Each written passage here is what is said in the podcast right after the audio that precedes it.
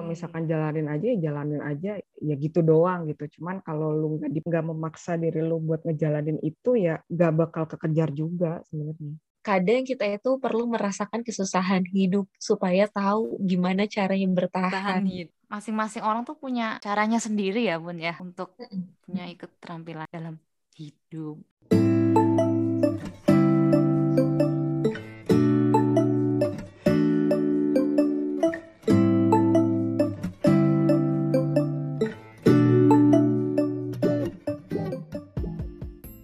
Hai hoi. Hola. Selamat datang di podcast Seberkas Rasa. Saudara-saudara yang hidup. Ya. Hari ini kita akan bicara tentang hidup. Wah. Hidup yang hidup. hidup yang hidup. Kita juga nggak berdua aja nih kayaknya. Ada ada ada teman kita satu lagi. Coba. Yang hidup juga. Yang hidup ya. Kalau nggak hidup ya serem dong. Coba perkenalkan diri kamu. Siapa kamu? Aku adalah seorang kapiten. Punya pedang panjang nggak? Oke. Uh, Oke, okay, selamat malam karena kita rekamannya malam. Hmm. Uh, gua tem gua Santi, teman kuliah S1-nya Cynthia sama Bun. Oh. Kalau kalian mau tahu Bun sekarang lagi kipas-kipas, pakai kipas-kipas HP. Harus banget ya dikasih tahu ya lagi ngapain. Ini, ini tuh pesan sponsor si pasar ini. Hmm. Ini juga cara untuk bertahan hidup. Bagaimana bertahan hidup di tengah kepanasan ini ya, nggak? Iya benar. Panas banget bu hari ini. Iya, tapi habis itu tangan lu keseleo. baik, baik, baik, baik, baik. Jangan sampai dong. Gimana kita mau ngomongin keterampilan bertahan hidup? Kayak gimana sih? gue mikir dulu nih gue mikir dulu nih nih kalau ngomongin keterampilan hidup kalau selama ini kita tahu itu kan hmm, hidup itu nggak cuma bangun tidur mandi makan ke sekolah atau berangkat kerja dan lain-lain tapi ada hal lain yang memang perlu dipenuhi sih kayak misalkan dari bekerja itu apa sih yang perlu kita punya dari sekolah itu apa yang perlu kita punya Nah, itu yang akan kita obrolin lebih jauh sih hari ini gitu. Nah, kalau hmm. langsung nanya ke Santi, Santi itu punya pengalaman hidup yang luar biasa. Ih. Lebih dari sekedar tangguh, Wah. lebih dari uh, lebih dari tahan banting, dia udah nggak kuat sebenarnya banting-banting, tapi ya tahan aja gitu. itu adalah filosofi dari tahan bantingnya Santi. nah, San. sih itu sebenarnya ngalah aja sih sebenarnya. Udah nah, daripada rame gue ngalah itu jadi lah gitu. Nah, apakah ngalah itu jadi keterampilan bertahan hidup loh? Geng-geng. Enggak juga. Ya, gue juga nggak setiap setiap melulu ngalah, setiap melulu ngalah sama babak belur gue. Iya. Bonyok dong. Terus apa menurut lo? apa menurut lo keterampilan hidup yang diperlukan sama orang yang itu tuh penting banget deh dia punya apa ya keterampilan yep. hidup uh... yang bener pengalaman pribadi gitu yang lo lakukan saat ini Gak ada sih ya, gue gak punya tips apa-apa buat keterampilan hidup ya. Gak ada gue. Tapi ya lu hidup ya hidup aja gitu. Uh, Oke. Okay. misalkan lu punya lu punya tantangan ya lu jangan menghindarin. Lu punya masalah ya lu hadepin. Uh, walaupun misalkan di kerjaan itu bukan kerjaan lu, tapi lu disuruh, ya jangan nangis, jangan nolak, ya kerjain aja. Gitu Waduh. sih. Ya, ya itu kadang-kadang ya gitu ngalah aja sebenarnya. Hmm, lu bakal dapat macam-macam gitu. Jadi nanti kalau misalkan lu keluar dari tempat itu gitu misalkan terus lu menghadapi hal yang sama lu bisa bilang oh gue pernah ngerjain itu dulu tuh begini begini begini begini hmm. jadi hidup ya hidup aja nggak usah dipikirin e, entar gue kalau ngerjain ini terus yang lain ngerjain apa terus kalau misalkan ini gue mulu yang ngerjain yang lain ngerjain apa ya udah biarin aja yang lain mah urusan yang lain uh, contoh konkretnya gimana Contoh konkretnya ya, uh, gua kan sebenarnya itu rekpat doang ya. Kalau kerjaan yang sekarang tuh gue rekrut sama penempatan doang. Hmm. Gue jarang banget ngurus-ngurusin yang pengembangan pelatihan gitu, gue jarang banget. Cuma uh, karena tim pengembangannya gue tuh awal-awal itu kurang jalan, jadi uh, beberapa kali gue uh, yang ngurusin asesmen ya berapa kali gue yang ngejadwalin pelatihan gitu-gitu. Terus sebenarnya nih yang kayak panitia-panitia vaksin ini PIC itu hmm. sebenarnya bukan uh, kerjaannya gue doang, tapi gue cuman diperbantukan buat di situ. Cuman uh, gue juga udah gue nggak nolak kerjaan itu gitu ya udah gue kerjaan kerjaan aja. Mau gue sampai keling hitam belang kayak apa juga gue kerjaan kerjaan aja. Gitu. Itu sebenarnya manfaatnya tuh kalau misalkan ditanya orang gue bisa jawab. Karena gini orang itu nggak tahu uh, gue itu di HC gue kan HC ya human capital gitu ya. Orang tuh nggak tahu gue tuh HC bagiannya rekpat. Orang tuh taunya gue tuh HC ya HC gitu megangnya semuanya gitu. Jadi ketika orang nanya gue bisa jawab. Gue gue nggak ngelempar gue nggak tahu kalau masalah itu lo tanya aja sama ini gitu. Gue nggak gue nggak kayak gitu. Jadi gue bisa ngejawab itu. Terus akhirnya gue juga uh, jadi terbiasa kalaupun gue hmm. nggak tahu tunggu ya pak saya cari tahu dulu gitu. Jadi gue nggak nge-refer orangnya langsung uh, buat nanya tapi gue yang cari tahu sendiri baru gue kasih tahu ke, ke orangnya. Eh kalau kalau lu sin kalau tadi kan gue dapet tuh poinnya sebenarnya dari Santi ya jalanin aja dengan lo ngadepin sebenarnya lo bakal tahu apa yang lo butuhin pada saat itu sih dan jangan ngeluh. Hmm, karena iya. kalau kalau apa namanya ngejalanin itu bisa ngeliat dari berbagai sudut pandang yang akhirnya oh ternyata gue dapet ini dapet itu gitu. Bukankah begitu Santi? Iya kayak gitu sih. Cuma Cynthia kok stres banget ya nah ini dia lagi mencoba bertahan. Bertahan. Dari mangu-mangu ya kan? Terus dia kayak mm, mm, gitu bingung dia. Mungkin dia kurang di briefing apa bun? Oh, mungkin lu kurang briefing bertahan dia hidup. Mm -mm. ya sama kayak lu san. Kalau gue mah ya kalau misalkan ada situasi masalah ya hadapin aja gitu kan. Gak usah dipikirin gak usah pakai briefing lanjut ya itu itu itu cara gue bertahan hidup ya. Perlu ada briefingan perlu ada uh, apa yang harus gue lakukan di depannya. Oh berarti butuh perencanaan yang matang iya. kemudian uh, menjalaninya step by step dari kalau gue itu gitu ya? Iya, kalau gue rencana ya ntar aja lah pas gue udah tahu masalahnya gitu aja gue Oh berarti kalau nggak ada masalah ya buatlah masalah mungkin San. Cari-cari lah masalah tuh. Aduh. Tapi enggak sih, emang selalu ada aja gitu masalah tuh. Kayak ini Cynthia mikir aja tuh masalah buat gue. Enggak. eh, gue enggak ngapa-ngapain ya, tapi dia mikir aja. gue jadi kikuk nah, nih. kalau tadi kan lo ngomongin masalahnya adalah di dalam uh, pekerjaan ya. Kalau misalkan gue tanya contohnya adalah kayak di kehidupan sehari-hari san yang nggak terkait sama pekerjaan kehidupan sehari-hari gue kerja Ah, nggak ada lagi. Hidup untuk bekerja ya. ya. Udah nggak ada lagi. Apalagi contohnya. Itu kuliah tuh. Kalau kuliah gimana? Kuliah, ya kalau kuliah ini gue nggak bela-belain banget sih. Gue mau secapek hmm. apa pun juga tuh sampai rumah kalau ada tugas gitu ya gue beneran harus kejar sih gue harus nyicil sih. Nggak bisa gue ngerjainnya mepet-mepet hari gitu nggak bisa sebenarnya. Yang sekarang-sekarang ini gue harus beneran kerjain jauh-jauh hari kalau enggak emang nggak sempat banget. Karena gue di kantor juga sebenarnya nggak bisa nyicil gitu. Kadang gue baru bisa ngerjain ya kalau udah agak sore-sore kan jam 4 jam 5 emang udah nggak ada yang WA udah nggak ada yang nanya-nanyain gitu. Jadi selain lu harus jalanin aja, lu juga harus mm -hmm. paksa tuh. Oh. Ya kalau misalkan jalanin aja ya jalanin aja ya gitu doang gitu. Cuman kalau lu nggak di nggak memaksa diri lu buat ngejalanin itu ya nggak bakal kekejar juga sebenarnya.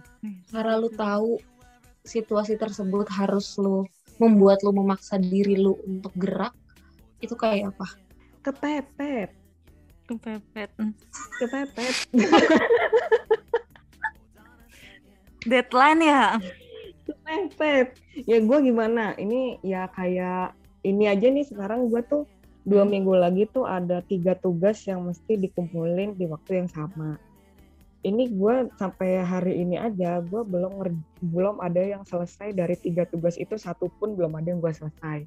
Setengahnya aja hmm. belum ada yang gue selesai. Tadi aja gue teraweh, kagak jadi teraweh gue. Gue pikir-pikir ah dua jam, kayak mendingan gue ngerjain tugas. Gitu. dah lah gue nggak apa-apa gue yang penting gue selamat di dunia dulu lah gitu. Kan bisa terawih sendiri ya gue aja terawih sendiri cepet kok nggak ada eh, nggak ada kan gue ini. Lu mah alasan lu. Bun omelin bun. Ya dia tahu lah ya bagaimana hidupnya kalau kepepet. Mungkin ada saatnya dia akan kepepet yang mengharuskan dia terawih Iya, lu sekarang boleh lu sih ngetawain gue lu. Astaga. Ya Allah, ya ya ya ya. Wah. Oke. Okay. Ampun. Ngomongin kepepet gitu ya, San. Uh, itu kan kalau yang memaksa lu untuk akhirnya bergerak. Tapi di situasi apa yang pada akhirnya lu ngerasa ah, udahlah jalanin aja. Ah, udahlah jalanin aja. Hmm. Capek capek. Capek kepepet capek. ya udahlah.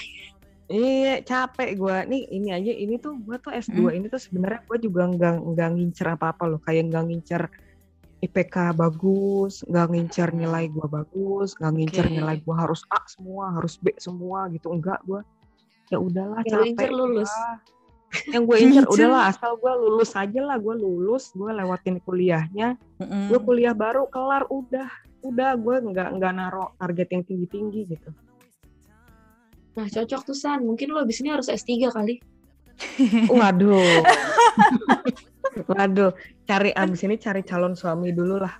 Waduh para lagi. Ada yang mencari calon suami.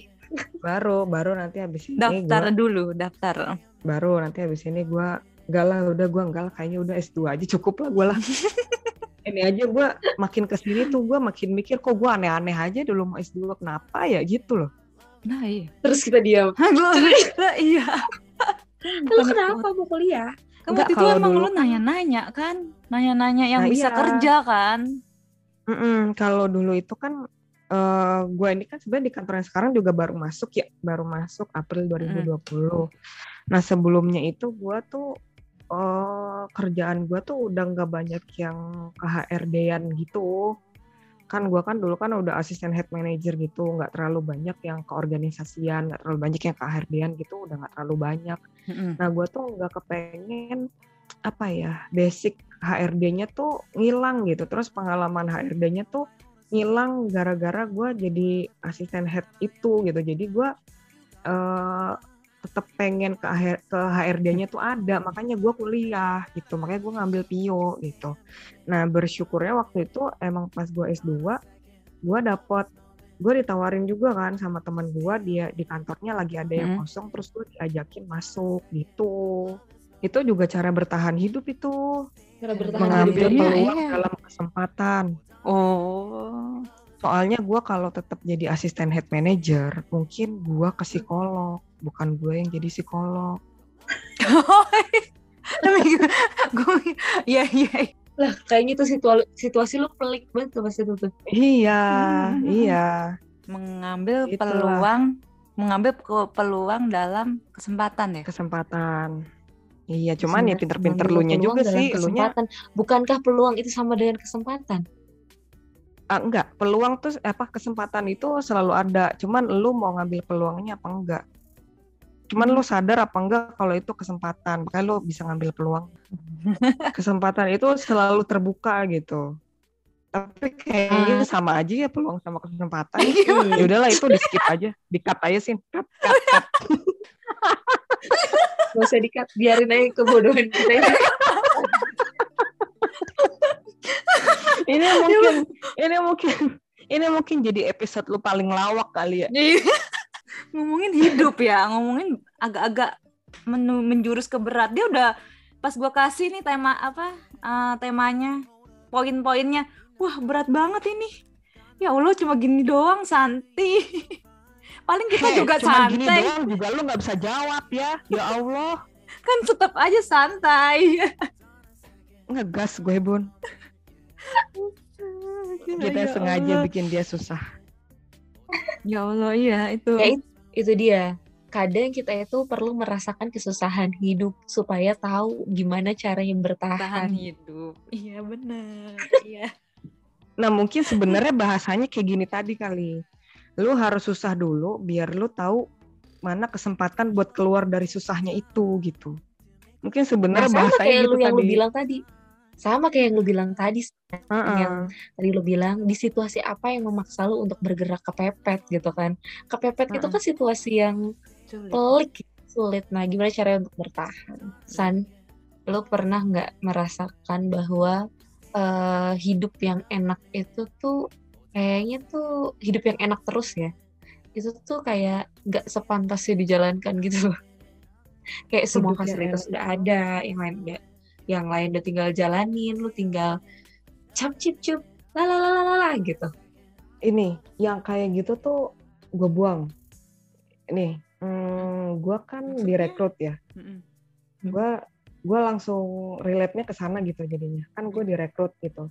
Gue kan sering rekrut-rekrut orang-orang yang sekarang tuh masih milenial banget gitu, yang kelahirannya tuh yang tak dia tuh lahir tahun 96 97 tuh udah pada masuk gitu loh, Bun. Hmm. Udah pada hmm. nyari-nyari hmm. kerja gitu loh.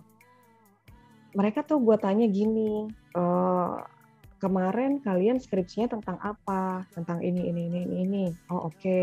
Coba diceritain skripsinya. Gua jel, dia gue minta dia jelasin lagi skripsinya. Tapi dia kayak tapi dia kayak nggak ngerti skripsinya itu gitu loh padahal dia kayak baru lulus kemarin aja terus gue tanya ini skripsi idenya sendiri apa gimana enggak waktu itu nebeng sama penelitiannya dosen kata dia gitu. Yeah. kalau enggak kadang-kadang itu apa namanya judulnya dikasih sama dosen gitu. Oh enggak itu judulnya tuh sebenarnya dari apa namanya dari senior yang sebelumnya tapi uh, cuman diganti subjeknya doang gitu.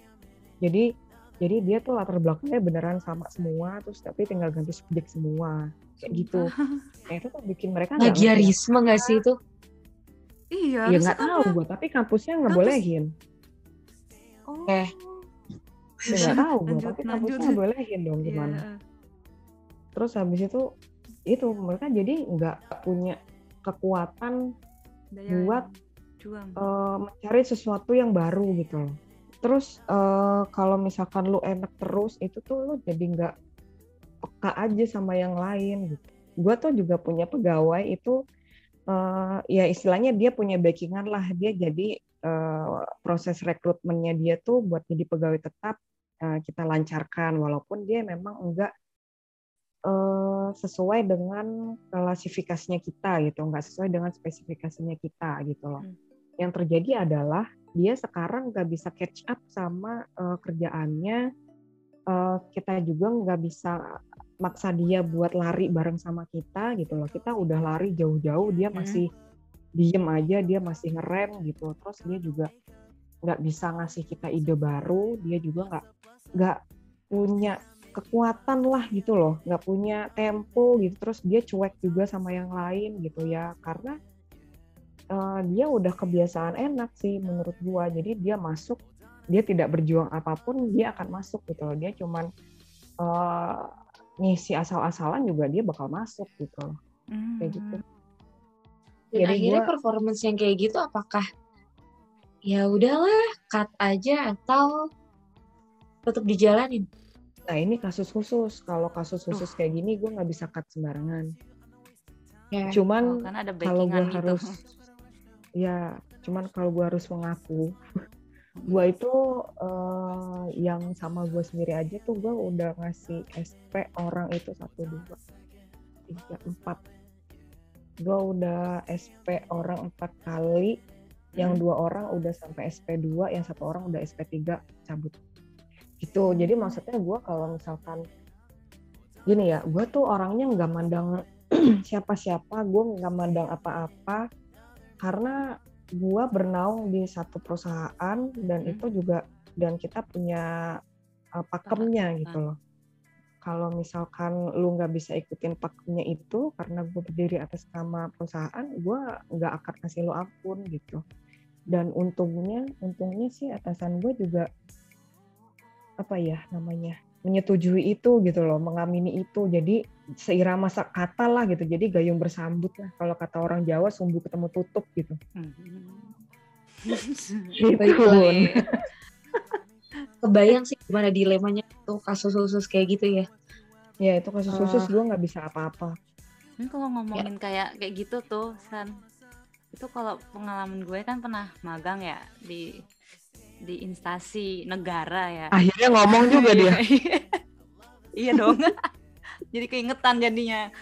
Uh, ya maksudnya itu instansi negara yang sangat-sangat peraturannya sangat-sangat ketat dan gue ya semuanya ya dan dan itu uh, untuk gue menyesuaikan di tempat itu bukan emang anak magang jadi kayak nggak ada nggak ada wewenang atau nggak ada hak untuk gue uh, semen apa terlalu sesuka hati gitu. Akhirnya yang gue lakukan untuk bertahan uh, keterampilan gue bertahan di instansi itu adalah gue dengan rajin sih.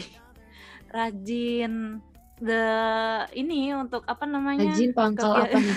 Rajin pangkal rajin kalau gue ya rajin pangkal dikenal orang. Padahal gue nanya peribahasa loh. Rajin pangkal dikenal orang. Iya jadi gue yang aktif gitu. Gue yang ngambil ngambil kan ini uh, waktu itu kerjanya it, uh, di bagian gue yang apa uh, yang menerima uh, anak-anak tes psikotes gitu loh. Terus habis itu di di tempat gue itu mereka tes habis itu lembaran tesnya tuh dikasih ke psikolog psikolognya untuk diperiksa. Gue ini apa ngasih ke psikolog psikolognya itu. Ya udah kayak jadi jadi tahu kan jadi kenal dan itu sih yang yang gue yang gue yang gue, gue bisa ceritain ya. Nggak mau yang intinya maksudnya... apa sih? Intinya apa sih? Iya itu. Rajin. Rajin nih ya cuman nggak maksud gue kirain kirain tuh dia mau ngomong relasinya sama kasus khusus gitu. Jadi maksudnya kalau misalkan dia nggak khusus dia nggak rajin gitu ya kali ya maksudnya Cynthia ya. Hmm.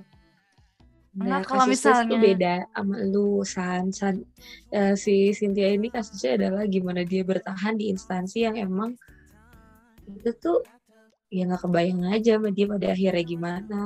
Betapa oh. sulitnya menyesuaikan diri iya iya iya. Ya, kalau misalnya yang di Santi itu kan dia kayak istilahnya yang nggak kasih kontribusi gitu kan. Mm -mm, gue kayak yeah. memposisikan itu di cerita lu gitu loh. Kalau gue gue nggak mau kayak gue nggak gitu.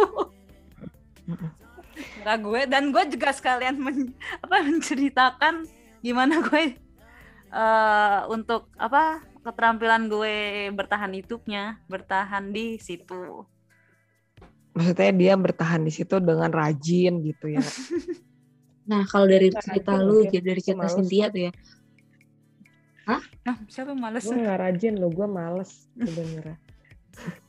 malas itu kalau gue sih ya bilang kalau malas itu adalah sewaktu-waktu aja tapi ya ada saatnya lo pada akhirnya terpacu juga dengan kepepet itu saya kepepet. Iya. kepepet gue nggak kepepet malas panasnya lama aja. Nah kalau gue tuh kalau gue dengerin cerita lo dan cerita Cindy ya itu tuh justru nostalgia lagi. Gue malah akhirnya berasa kalau dilihat dari tahunnya kan sebenarnya kita masih milenial ya milenial awal gitu kan Gila, gue harus merasa muda lah kenapa gue harus tua sih? Enggak enggak. Belum ya. masuk kolonial ya? Belum. 45 dong. Apalagi imperial belum belum. Sebelum masuk. Itu tuh apa namanya ada waktu di mana gue ngerasa oh, oh ternyata tuh gue hidup terlalu banyak dikasih privilege ya sama uh, lingkungan gue dan akhirnya ketika menghadapi hal yang pelik ah kenapa baru sekarang gue sadar gitu kayak dijedotin gitu loh gue tidak gue tidak bilang bahwa nah, anak-anak milenial itu tuh sekarang kok kayaknya dimudahkan banget. Karena setelah gue melihat diri gue ya gue ngerasa dimudahin gitu sih. Tapi ada saatnya siapa pun itu dari kita tuh kayak ada waktunya gitu loh ngerasa di titik terbawah di titik terpelik dalam hidupnya dan akhirnya ah ternyata hidup itu sulit ya setelah bertahun-tahun dijalani. Iya setelah setelah berapa belas tahun hidup gitu ya. Enggak ding. Di atas 20 tahun hidup baru merasa bahwa uh, oh hidup tuh ternyata sesulit itu ya gitu. Nggak hanya sekedar tentang gue misalkan iri sama kakak gue kah, sama iri sama adik gue kah, merasa tidak diperhatikan kah gitu loh. Itu kan isu-isu keluarga ya yang punya punya saudara, beberapa hmm. saudara gitu. Ternyata masalah nggak cuma soal itu, tapi masalah hidup tuh gimana lo, gimana lo keluar dari ketek emak lu. Kayak yang tadi tuh kalau kasusnya Santi tuh gue jadi mikir dia itu kan ada masa ada masanya gitu loh. Masa berlakunya tuh yang kita nggak tahu kapan. Iya, iya. lu tuh akan selesai udah nggak ada backingannya lu. Nah setelah itu gimana cara dia bertahan? Itu sih yang dipikiran gue dari tadi. Kayak dia menunda waktu untuk hal besar terjadi dalam hidupnya aja gitu. Kalian jadi berpikir apakah karena gue nggak jadi seri sekali? Nggak nangkep gue gimana tadi yang mana? Yang mana yang lo nggak nangkep? Gimana mau nangkep ya? Itu bolak balik Gimana? Enggak nangkep mana semuanya. Balik balik. Tadi apa yang lo bilang gimana? Uh, gue uh, nggak selamanya kita tuh uh, ada backingannya gitu kan. Oh itu, nah, terus yang itu tuh yang ini. Uh -uh. Apa yang mana? Kalau yang itu? Coba mau yang jelasin. kasus di kantor lu yang dia tuh punya backingan gitu loh.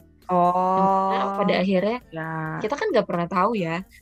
Pasti si backingan itu kan ada masa berlakunya, entah pensiun, ya. entah dia dipindah tugas, situasi apa pun gitu loh. Gimana caranya dia uh, hidup setelah backingannya itu nggak ada gitu, nggak harus power di situ.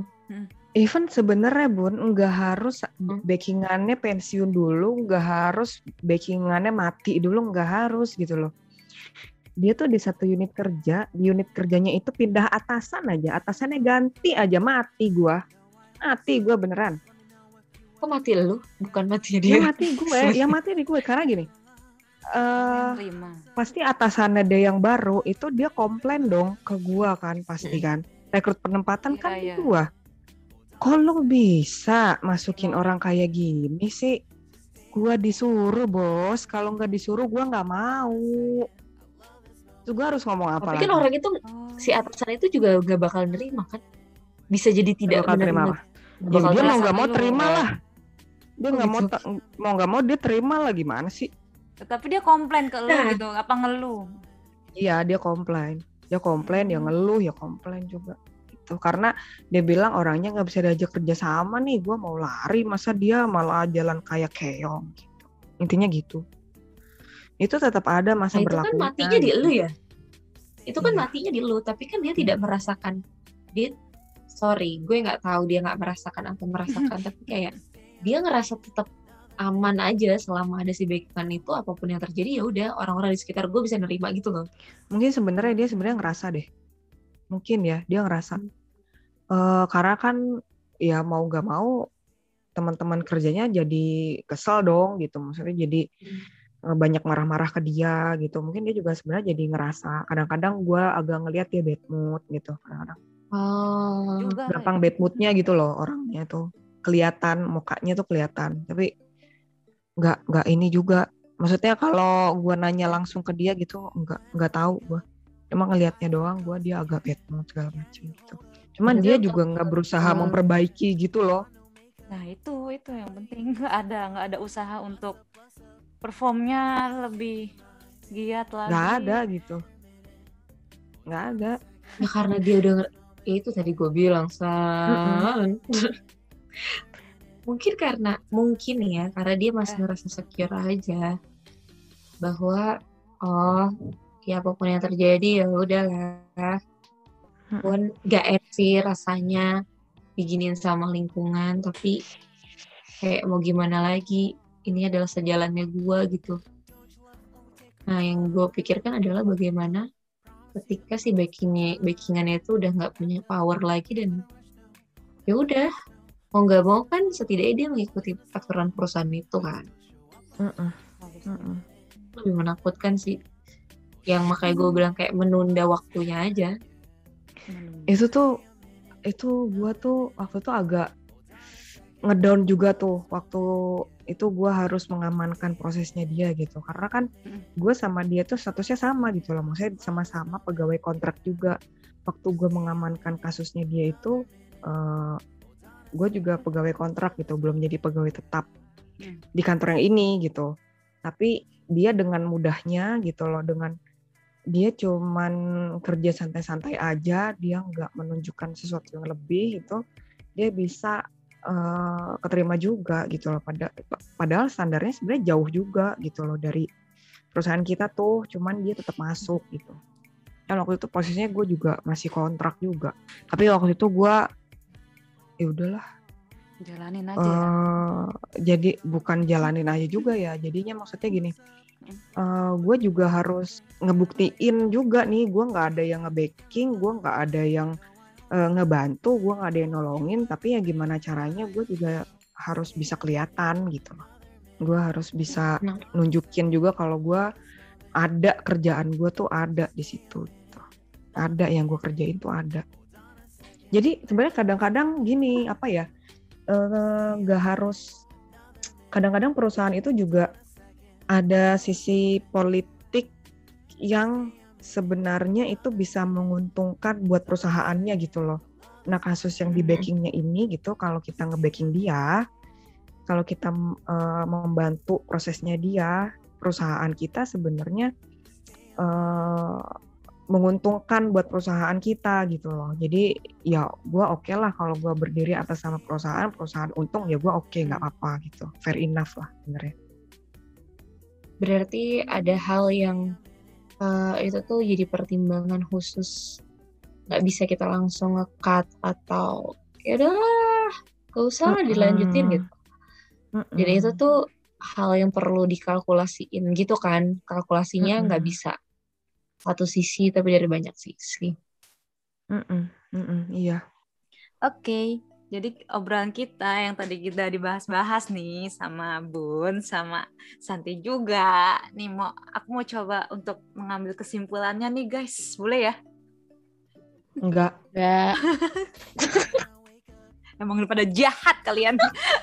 Jadi untuk keter- eh, hidup mah ya, dijalanin aja nih keterampilan untuk bertahan hidup. Kalau yang dari obrolan yang Santi udah jelas ini, selain hidup mah dijalanin aja, eh, ada kalanya kita juga ada mengalah ya. Tapi ya nggak tiap kali kita harus mengalah ya. Nanti kita babak belur juga. Cuma ya ada part-part di mana kita harus mengalah.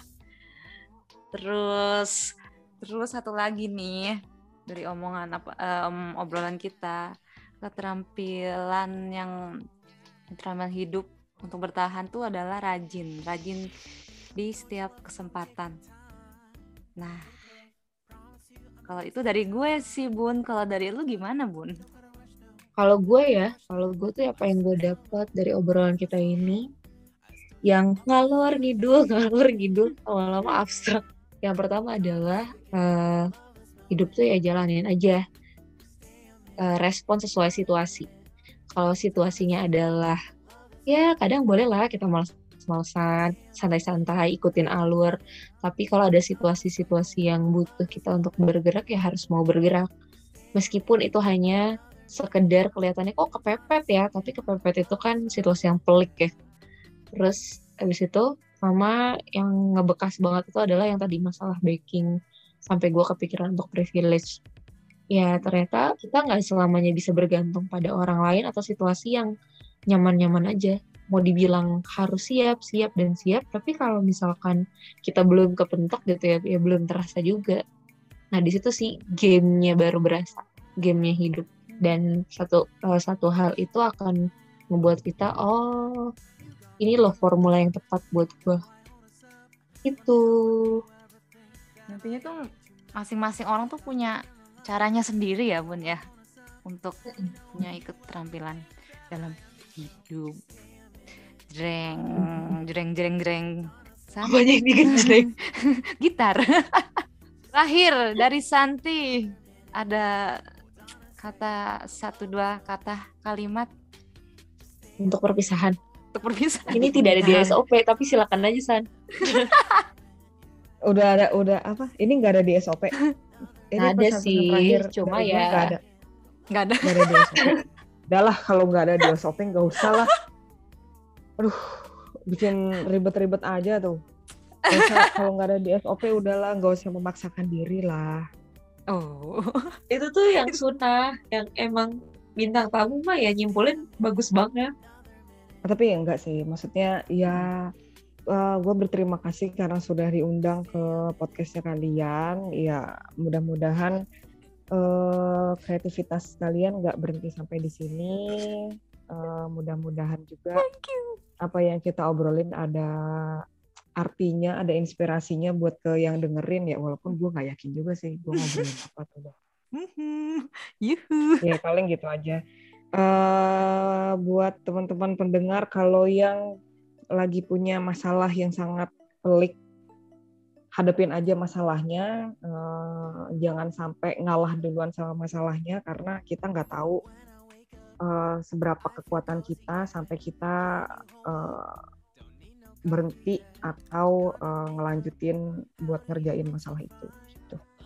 Wah, Oke, menarik. Applause. Menarik banget.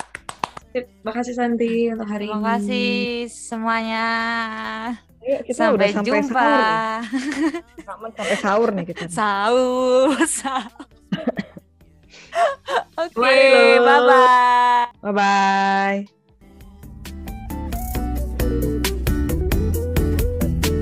Stay a.